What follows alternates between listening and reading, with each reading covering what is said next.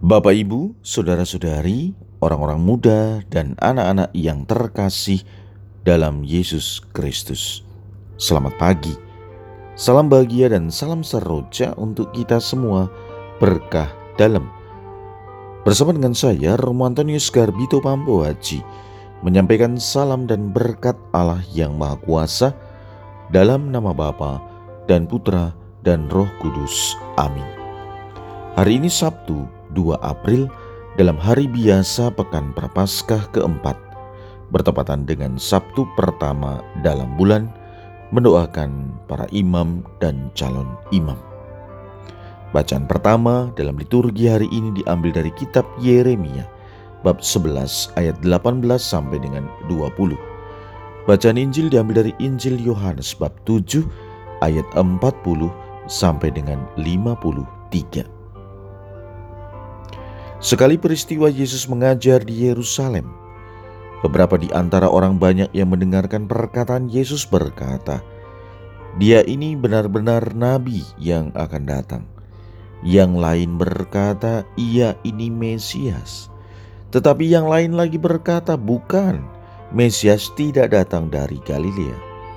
Karena kitab suci mengatakan bahwa Mesias berasal dari keturunan Daud dan dari kampung Bethlehem, tempat Daud dahulu tinggal. Maka timbullah pertentangan di antara orang banyak karena Yesus. Beberapa orang di antara mereka mau menangkap dia, tetapi tidak ada seorang pun yang berani menyentuhnya.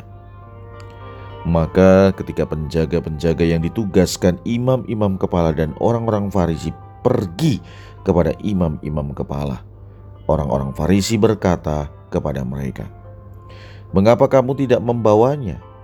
Jawab penjaga-penjaga itu, "Belum pernah seorang manusia berkata seperti orang itu."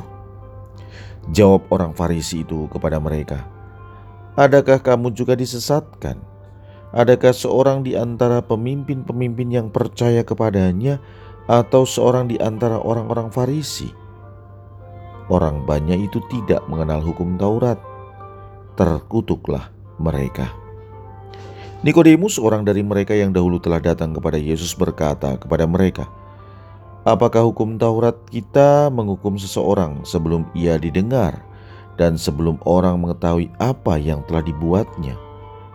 Jawab mereka, "Apakah engkau juga orang Galilea? Selidikilah kitab suci, dan engkau akan tahu bahwa tidak ada nabi yang datang dari Galilea." Lalu mereka pulang masing-masing ke rumahnya. Demikianlah sabda Tuhan. Terpujilah Kristus. Saudara-saudari yang terkasih, kesaksian Yesus tentang dirinya yang diutus Bapa untuk melakukan pekerjaan-pekerjaan baik ternyata menimbulkan perbedaan pendapat di antara orang banyak yang mendengarkan sabdanya. Bukan hanya orang Farisi dan ahli Taurat saja yang berencana untuk menangkap Yesus, tetapi orang banyak pun punya keinginan yang sama karena ia dianggap meniadakan hukum Taurat dan menyamakan dirinya dengan Allah. Perbincangan mereka tentang identitas Yesus menunjukkan bahwa Yesus memang istimewa. Yesus memang menarik perhatian mereka. Yesus adalah pribadi yang mengagumkan. Dan ini membuat mereka sangat tertarik dengan semua sabdanya. Sayang sekali, mereka hanya tertarik kagum dalam sifat luaran. Mereka belum sampai pada level mengimani Yesus, sehingga keinginan mereka untuk menangkap dan membunuhnya tetap masih ada. Di antara mereka, hanya Nikodemus yang tampil untuk mengatakan kebenaran.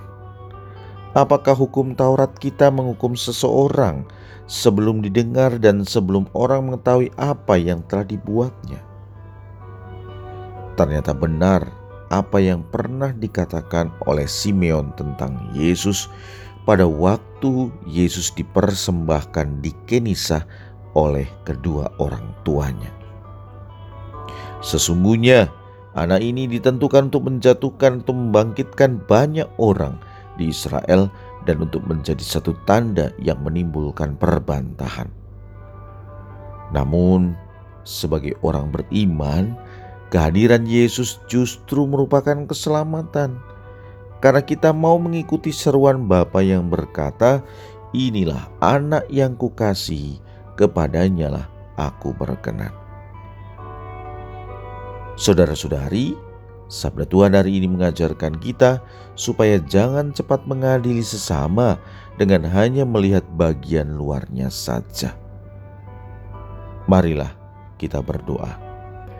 Ya Tuhan, semoga kami tak seperti orang banyak dalam Injil hari ini yang begitu mudah menilai orang lain. Berkat Allah yang Maha Kuasa, dalam nama Bapa dan Putra dan Roh Kudus. Amin.